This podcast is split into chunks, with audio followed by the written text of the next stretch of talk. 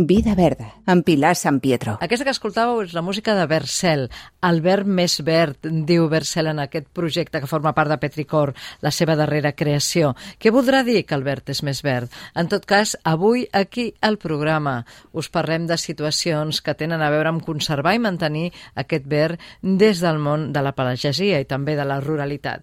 Però és moment de conversar, de fer conversa sobre creixements i per què no de col·lapses. I per això hem convidat en Joaquim Sampere. Hola, mm. Joaquim. Bon dia. Eva. Benvingut, gràcies per venir al programa. A vosaltres.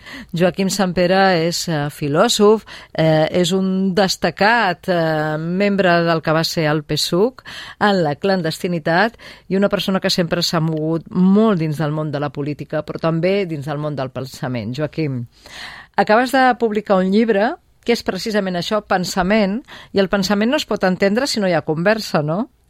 Efectivament.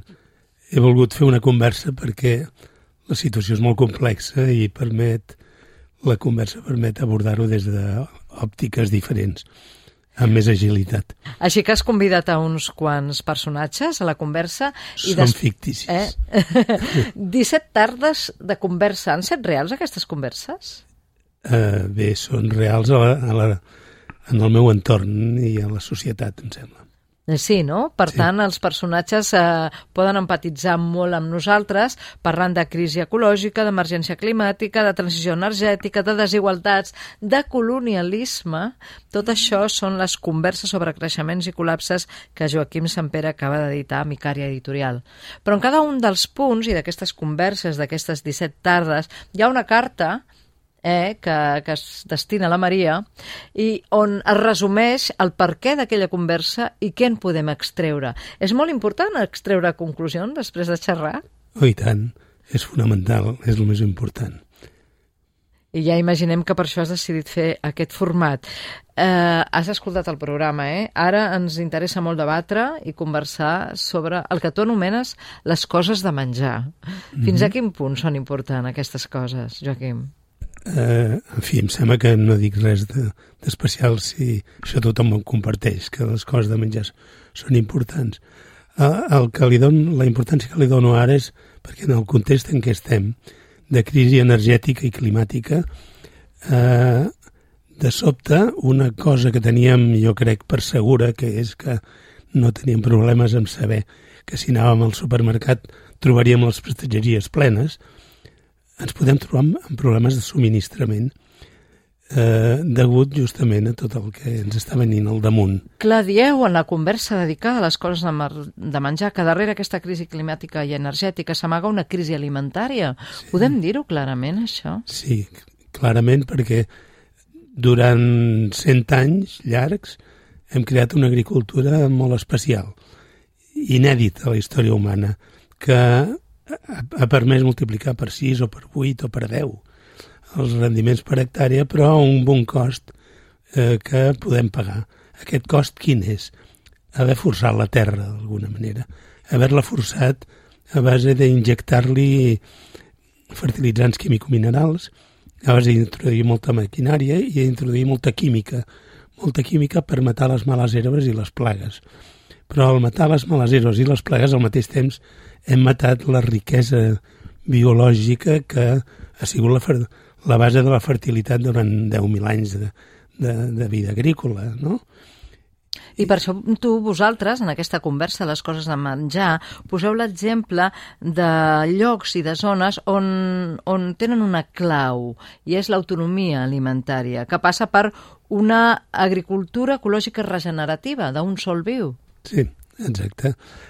I, jo, per mi ha sigut un descobriment d'aquests últims anys, aquest, aquestes tècniques que s'engloben amb el que també es diu agroecologia, que bàsicament consisteixen en produir no només eh, fruits i, i verdures i llegums, sinó produir terra, terra fèrtil. És a dir, mantenir la terra el més fèrtil possible amb, amb un percentatge de, d'organicitat eh? I, amb un, i, i amb un element de vida, de cucs, d'insectes, de, de bacteris, mm. que són els que donen la fertilitat a la terra i ens garanteixen un futur. Tu tens eh, esperança que la pagesia, que ara és a les carreteres amb el tractor reclamant no tanta burocràcia i sobretot no tant ingeriment de tots aquests... Ara li posem aliments per dir alguna cosa, però ja no sabem què són, que ens arriben des de fora. Tinguin aquest convenciment del canvi de model que és necessari? Jo tinc la sensació de que hi ha un cert retard, eh, però el debat hi és en la pagesia. Jo he escoltat molt atentament les declaracions dels mobilitzats i veig que no estan contra eh, canvis cap a una agricultura més ecològica.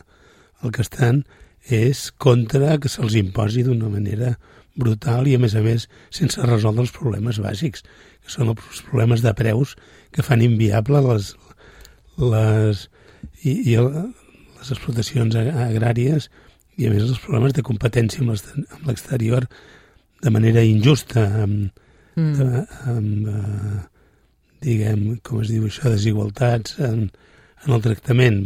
Eh? Per exemple, es s'importen productes sense posar condicions de tipus eh, eh, químic, eh, el tractament químic i aquestes coses, no? Estem veient molta diferència entre les mobilitzacions que s'estan fent a Catalunya, la franja també de Castelló, com hem pogut escoltar, zona del País Valencià, i les que s'estan fent a la resta d'Espanya, sobretot perquè aquelles que venen de la, de la zona interior de la península semblen molt polititzades per una vessant política molt tendent cap a la dreta, i en canvi eh, les mobilitzacions d'aquí de casa nostra hi han altres molts motius que no tenen res a veure amb aquesta politització i que necessiten parlar de la vida. Sí, uh, això que està passant de la politització per mi és significatiu perquè passarà no només amb la transició uh, alimentària, sinó que, com que caldrà una reconversió molt profunda de tota l'economia, incloent, incloent evidentment la indústria i els serveis, no? per exemple, el tema del turisme, que donaria per molt, eh, i com que això no, no necessàriament es farà bé, eh, hi ha sempre els profetes de Malabarany, que són aquesta gent demagogs eh, neofeixistes i de més que s'aprofitaran de les situacions. Mm -hmm. De manera que jo diria que un dels drames més grossos de, del que està passant aquests dies, eh, a part de revelar el, el drama vital que estan vivint els, els, els pagesos, és que no hi ha hagut una, una condició important, que és la convergència entre eh, la població, que ha de ser el protagonista d'aquesta reconversió, i els poders públics.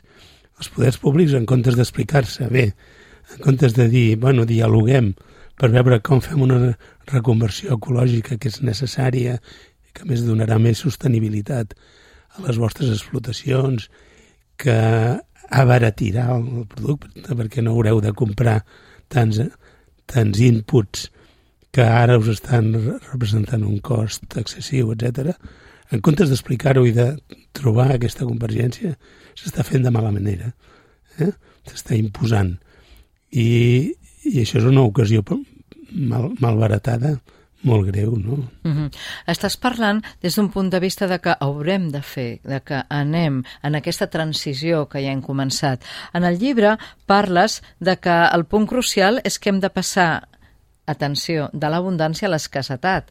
Mm. Uh, anys enrere, molts anys enrere, passar de l'escassetat a l'abundància va ser un bé ja imposat perquè significava una millora. Mm. Però aquest canvi que hem de fer ara, què significa? Vol dir que durant dos segles hem estirat més el braç que la màniga, perquè resulta que vam trobar un, una cosa miraculosa, que, que és uns, unes reserves de carbó, petroli i gas abundantíssimes, i hem tirat de veta durant dos segles i hem creat una civilització espectacular en els seus assoliments, però que és fràgil, perquè què passarà quan s'acabin aquests, aquests combustibles? I aquests combustibles s'acabaran. Això molta gent no ho, vol veu, no ho vol veure, però anem cap a això. I aleshores, eh, esclar, alguns diuen, bueno, però ja tenim les renovables com a alternativa, no? I la, la meva posició, que deriva del col·lectiu en el qual treballo ara, del qual he après molt, el CEMES, eh, el nou model energètic no tindrà la densitat energètica i l'abundància energètica que tenim ara. Eh? Mm -hmm. Eh, i, per tant, tu ho expliques que la revolució tecnològica tindrà un factor molt important en aquesta, no, no diríem evolució, sinó transformació energètica. És clar, perquè una de les coses que hem de fer és augmentar l'eficiència per poder fer més coses amb menys energia i, si pot ser, menys materials. Clar, i per això mm, dones un, un, un vessant molt important a tenir en compte. Dius que les fonts renovables eh, tindran un element molt important perquè estaran molt repartides. Passarem a ser productors de l'energia que necessitem. Sí, passarem a ser-ne, però, eh, a veure, vull posar un exemple, ara que Posa. hi ha hagut tot aquest debat de l'aeroport. En el CEMES vam dir, a veure, què vol dir, des del punt de vista energètic, doblar els, el nombre de passatgers a l'aeroport del Prat i vam descobrir que es necessitaria per alimentar eh, aquests vols addicionals eh, el conjunt d'aquests 70 milions de vols que es projecten una superfície de plaques, de plaques fotovoltaiques equivalent a dues vegades i mitja la superfície del municipi de Barcelona. Eh? Us uh, imagineu unes plantes solars que siguin com Barcelona mateix, totes juntes? Uh, clar, això impossible. És impossible. Bé, bé ja n'hi ha, eh? A Badajoz n'hi ha una de mil hectàrees. Sí, però eh? aquest no és el model, no, Joaquim Aquest no és el model. Uh -huh. Aquest no és el model. El model és, primera, dist distribució territorial, eh? autoconsum, etc individual o col·lectiu. I després plantes, evidentment, perquè se'n necessitaran, però amb una cura molt atenta a respectar els altres usos al territori. Parlant de sistemes i fonts renovables d'energia, parlant de col·lapse i de creixement, parlant d'aquestes coses de menjar, aquest llibre que tenim entre les mans, aquestes converses sobre creixements i col·lapses, és una manera de convidar-nos a la reflexió sobre un avenir que en Joaquim Pere defineix com a inquietant. Però sí. esperem que sigui una inquietud positiva? Sí, sí, és clar eh, justament el llibre està ple d'experiències, de coses que ja s'estan fent, no de fantasia, sinó d'experiències agrícoles, industrials, de cooperativisme, etc que marquen el camí. I, per tant, diguem, qui se senti responsable té moltes coses a fer. Diagnòstic, doncs, i també solucions. Joaquim Sampere, t'agraïm molt que hagis vingut a explicar-ho al programa. Gràcies a vosaltres.